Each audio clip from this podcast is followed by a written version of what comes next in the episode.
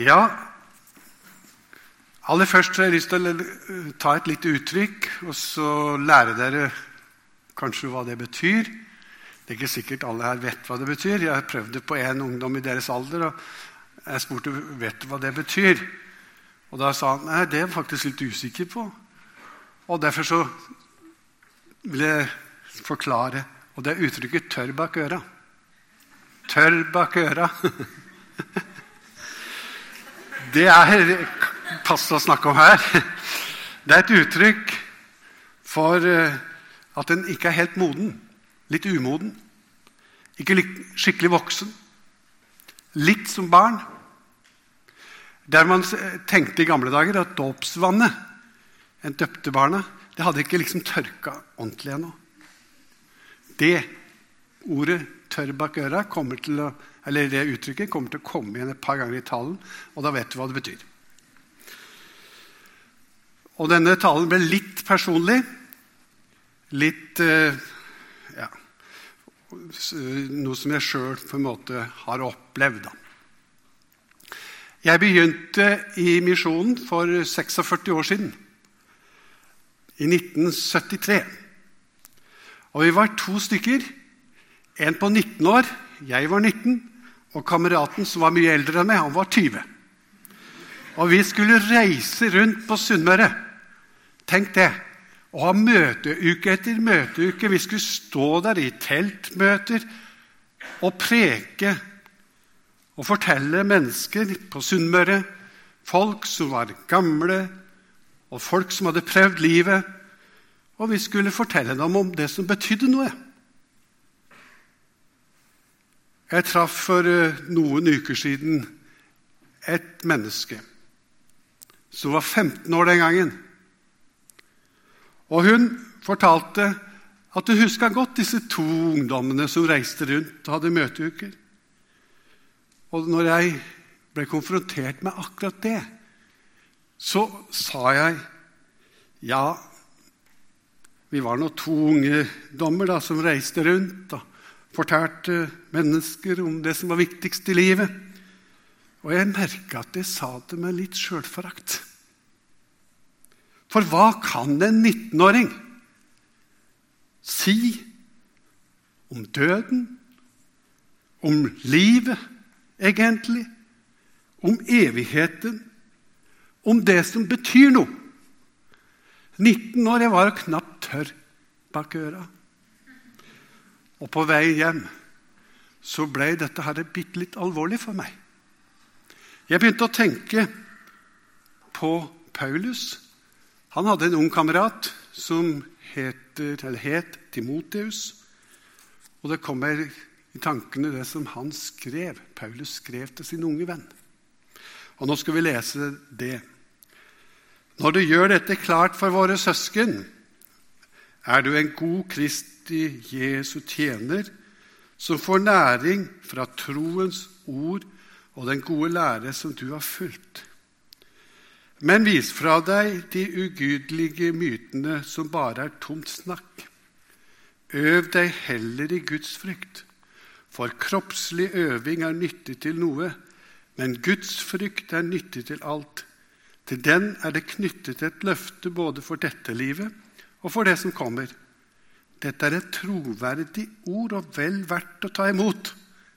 Det er derfor vi strir og kjemper.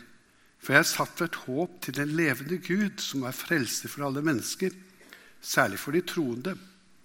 Dette skal du innskjerpe når du underviser. La ingen forakte deg fordi du er ung, men vær et forbilde for de troende i ord og livsførsel, i kjærlighet, tro og renhet. Ta deg særlig av skriftlesningen, formaningen og undervisningen, helt til jeg kommer. Forsøm ikke den nådegave du har, den du fikk på grunnlag av profetiske ord da Eldsterådet la sine hender på deg. Legg vekt på dette, lev i dette, alle, så alle kan se at du gjør fremskritt. Gi akt på deg selv og på læren. Fortsett med det for gjør du det, skal du frelse både selv og dem som hører deg. Ingen forakter deg for at du er ung. Det betyr også at jeg har ikke lov til å forakte meg selv, tenkte jeg der jeg kjørte hjem etter denne kvelden. Selv om jeg begynte å preke før jeg egentlig var tørr bak ja, øra. Og så etter hvert som jeg kjørte hjem, så begynte jeg å tenke mer over dette. Og det begynte liksom å gå inn i meg ganske mange forskjellige spørsmål. Og et hovedspørsmål som kom fram Når er jeg egentlig moden nok, gammel nok, til å ha autoritet, viten, som skal til for å si noe om Gud? Er det når jeg blir 66? Kanskje da livet tar til? Eller er det Ja, på hvilket tidspunkt er det en har, har liksom alder nok, erfaring nok? Jeg tror, Er det ikke litt overmodig å si at nå er jeg moden? Nå har jeg erfaring nok til å gi svar på de viktigste spørsmålene i livet. Ikke det at vi skal forakte de som er gamle, heller. Men jeg tror at poenget med dette er at vi finner ikke svaret i erfaringen. Noen svar kan vi jo få ved å søke inn i erfaringen. Og i alderdommen, kanskje. Kanskje blir vi litt mer ydmyke ettersom tiden går. Kanskje skjønner vi mer at det er ganske mange spørsmål, store spørsmål, som vi ikke kan finne svar på. Og i tillegg kanskje den som har levd med Gud i mange år, har gjort noen erfaringer sammen med Gud og kan vitne om dem. Men spørsmålet er altså har vi i oss sjøl autoritet til å fortelle andre om sannheten, om meningen med livet. Har jeg det? Nei, er min påstand. Heller ikke nå. Når det er bare noen uker igjen til jeg blir 66, altså, så har jeg ikke autoritet til å veilede på denne måten. Bibelen sier at vi mennesker, alle sammen, vi har en bjelke i øynene våre. En bjelke i øynene våre. Og hvis du har en bjelke i ditt øye, så reduseres synet ditt vesentlig. Ja, sier Bibelen. Vi blir blinde. Helt blinde. Og så sier Jesus, 'Hvordan kan en blind lede en blind?' Det går ikke. Hvordan kan en da si 'jeg kan ta flisa ut av øyet ditt', når du sjøl har en diger bjelke? Du ser ikke egentlig noe som helst i deg selv. Og eh, da er det store spørsmålet hvordan kan vi da ta på oss oppgaven å veilede noen i de store spørsmål? Er vi egentlig ikke alle sammen i samme båt? som seiler på ukjent hav uten kart eller kompass? Jo, min påstand er at vi er det. Dessverre. Bibelen sier også det. Det fins ikke én som forstår. Ikke én som søker Gud. Alle er kommet på avveier, alle er fordervet. Det fins ikke én som gjør det gode, ikke en eneste. Ganske deprimerende ord, på en måte. Hva gjør jeg så?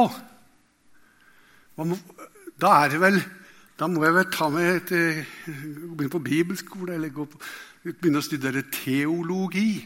Teo er Gud, og logi er lære. Da må jeg begynne å studere fem, seks, syv år. På Fjellaug kan vel hjelpe meg. Eller på Menighetsfakultetet. Jeg må begynne å studere for å finne disse svar. Ikke misforstå. Det er flott med alderdommens visdom, har jeg sagt. Det er flott å studere teologi. Ja, fantastisk. Men det heller holder ikke. Det er ikke nok. Det hjelper oss ikke. Det må noe mer til. Noe annet må til for at du i hele tatt skal kunne vite noe om Gud. Hva da, kan du si? Hva, hva, hva skal til? Ja, si det. Nikodemus, han grunnet. Han fikk et svar. Du må fødes på ny, Nikodemus. Oi, er det en mulighet? Det er jo umulig, sier han. Skal jeg komme inn i mors liv igjen og, og starte på nytt? Helt fra begynnelsen? Finne en annen kurs? Det er nok mange som tenker sånn i, våre, i livene sine. At det skulle være godt med en ny start. Helt på nytt igjen. Tenk hvor bra det ville vært. Ha et annet utgangspunkt kanskje kunne være en veldig god ting. Tenk om vi kunne ha valgt andre foreldre. Det hadde jo vært, Iallfall i en periode av livet så hadde det vært veldig bra. Er det noen som tenker? Eller et annet bosted. Eller kanskje et annet utseende. Det hadde heller ikke vært så dårlig, eh, altså så, så dumt, kanskje noen tenker. At jeg ligna litt mer på den, eller vært sånn. Og når du begynner å grunne på dette, så kanskje, kanskje du kan begynne å tenke Å, om jeg kunne hatt et annet hjerte, en annen lyst i mitt indre. Kanskje du tenker at mulighet for å starte på nytt, den har jeg nå, i disse dager. Semesterstart. Starte med et nytt studie. Begynne på nytt. liksom Ta det opp igjen noe og, og starte på en annen kurs. Så bra. Og Jeg tenkte litt rundt dette. Tenk om du og jeg selv kunne ha vært arkitekter for hvordan vi skulle se ut. Hvordan vi skulle være. Hvordan personligheten vår skulle ha vært. Hvordan vi skulle ha konstruert og skapt oss selv. Hvem ville jeg da ha vært? Dette er sånne spørsmål som kommer inn og så går inn i ryggmargen på meg som et til oss, og som kan gjøre oss både deprimerte og motløse. Det er sånne eksistensielle spørsmål som liksom tar oss litt inn i fundamentet for vårt liv og vår tro. Jeg nevnte Nikodemus som var hos Jesus om natta. Han hadde studiepoeng nok til å skjønne han var lærer for Israel, en rådsherre, en fariser. Men allikevel så skjønte han det ikke. Han måtte bli forklart av mesteren. Han måtte ha en skikkelig prat med Jesus om natta for at han skulle få greie på hvordan dette skulle være.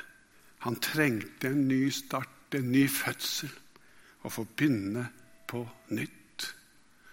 Et annet eksempel fra eh, Nytestamentet er en som heter Thomas. 'Herre, vi vet ikke hvor du går', sier Thomas. 'Hvordan kan vi da vite veien?' Ser du, dette er grunnleggende. Vi vet ikke veien. Vi er fart vill. Jesus sier da til han, 'Jeg er veien, sannheten og livet.' Ingen kommer til far uten ved meg. 'Jeg er veien'. Og Jesus er veien. Det finnes en mulighet, det finnes en vei, det finnes en sannhet, det finnes et fundament, det finnes et ståsted. Jesus. Og har dere kjent meg, skal dere også kjenne min far, sier han til Thomas. Fra nå av kjenner dere ham og har sett ham. Senere sa Thomas, som også var på søken liksom etter noe håndfast Etter at Jesus var død og skulle stå, ha stått opp igjen, og så begynte å vise seg for disiplene uten at jeg får stikke fingeren i siden, kan jeg ikke tro Han måtte ha noe konkret, håndfast, noe å stole på. Et annet eksempel på en som var i mørket, en som hadde denne eksistensielle tvilen, det var han hadde vært predikant. Så det kan komme også for oss som har arbeidet i Guds rike i mange år. Det kan komme inn til sånn iskalde spørsmål og vansker. Døperen Johannes han satt i det dype fangehull. Depresjons isvind møtte han der han satt. Og han kjempet og spurte er du han som skal komme, eller skal vi vente en annen? Er det virkelig sånn som jeg har preka om? Han som jeg har pekt på? Det var et brennende spørsmål i hans indre. Og så fikk han høre forkynnelsen om hvem Jesus var, og hva som Jesus gjorde. Philip er et, også et eksempel. Da sier Philip, 'Herre, vis oss Far. Det er nok for oss.' Jesus svar, 'Kjenner du meg ikke, Philip, enda jeg har vært hos deg så lenge?' 'Den som har sett meg, har sett Far.' Hvordan kan du si, 'Vis oss Far'? Tror du ikke at jeg er i Far, og Far i meg? De ord jeg sier dere, har jeg ikke sagt fra meg selv. Far er i meg og gjør sine gjerninger. Tro meg, jeg er i Far, og Far i meg. Om ikke annet, så tro for selve gjerningens skyld. Jeg og Far er ett. Det er hemmeligheten. Jesus kom, er Gud og mann. Svaret Hva er egentlig det store svaret? Jesus han sier til lederen i disippelflokken Hvem sier folk at jeg er? Hvem sier folk at jeg er? Noen sa at han var døperen Johannes. Han var jo blitt halshøgd. Og så kanskje han kommer tilbake. På en måte, tenkte de. Eller andre sa at du kan jo være profeten Elia. Ja, til og med Jeremia og noen andre profeter, tenkte de. Peter kom da med svaret. Peter hadde bommet mange ganger han, på svar. Han hadde gjort mange rare ting opp gjennom tiden. Men denne gang traff han midt i blinken, midt i sentrum. Hør hans svar. Du er Messias, den levende Guds sønn. Jesus tok til orde og sa, Salig er du, Simon, sønn av Jonah, for dette har ikke kjøtt og blod åpenbart for deg, men min far i himmelen. Og jeg sier deg, du er Peter, og på denne klippe vil jeg bygge min kirke, og dødsrikets porter skal ikke få makt over den. Jeg vil gi deg himmelrikets nøkler. Det du binder på jorden, skal være bundet i himmelen. Og det du løser på jorden, skal være løst i himmelen. Kirken, menigheten, er altså bygd på åpenbaring. På en bekjennelse. Åpenbaring er det samme som å avdekke forklare. Det er akkurat som lyset som går opp. Jeg har fått se. Fått se noe. Eller fått se én. Noe som forklarer den store sammenhengen, og som får vise oss hva som betyr noe. Hva som egentlig er verdt å bygge sitt liv på. Og denne sammenhengen prekes i kirken rundt omkring hele verden det store sannhet som forandrer alt. Jesus er Messias, den levende Guds sønn. Det finnes altså en frelser, en redningsmann, et håp. Det finnes et lys, verdens lys. Det er Jesus. Han kalles veien. Han kalles sannheten. Han kalles livet. Han er Guds sønn, som kom til jord på mirakuløst vis, ble født av jomfru Maria. Han er Guds sønn. Han er det, den klippen, det eneste som på en måte kompasset kan rettes imot. Han er det fundament som vi kan stå på i en vanskelig verden. Han er Guds sønn som ble menneske, som ga seg selv for våre synder. Han er den eneste vei til frelse, og på denne bekjennelse bygges Kirken. Han er Gud og menneske, og han er for oss. Han er her hos oss. Han er kommet fra himmelen og er verdens lys og håp. Denne bekjennelse, denne åpenbaring, den får du del i ved at du hører ordet om Han. Troen skapes i hjertet ditt ved at du får høre om Jesus. Og Det er derfor det er så viktig, og det som er hovedoppgaven for Kirken, det er å forkynne om Jesus. At han døde i vårt sted, at han sto opp igjen, at han ble sendt ifra himmelen. Han er Gud og menneske én, og Gud elsker verden så høyt at han ga sin sønn den eneste, for at du ikke skal gå fortapt, gå i mørket, men få det evige liv. En litt eh, kjekk historie som vi brukte i vår ungdom på Sunnmøre for 46 år siden. Det var kollegaen min, han som var et halvt år eldre enn meg, da, som brukte den historien. Han sa hvordan Han fortalte historier fra søndagsskolen. Og Da var det ei, ei jente som lurte på hvordan Jesus kunne komme inn i hjertet. Og da sa den lille jenta og rettet opp handa jeg tror han kryper inn gjennom øyra. Han kryper inn gjennom øyra, sa han. Og det er det jeg tror. Derfor er mitt råd til deg at du hører. At du nå bestemmer deg for å lytte til Guds ord.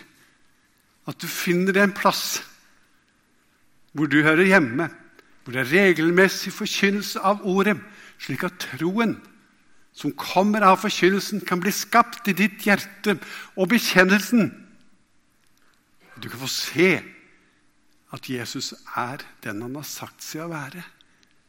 Og da er du fått en åpenbaring ifra Gud. Og på denne åpenbaringen så ble Kirken bygd. Hvem fikk del i denne åpenbaringen eller denne visdommen?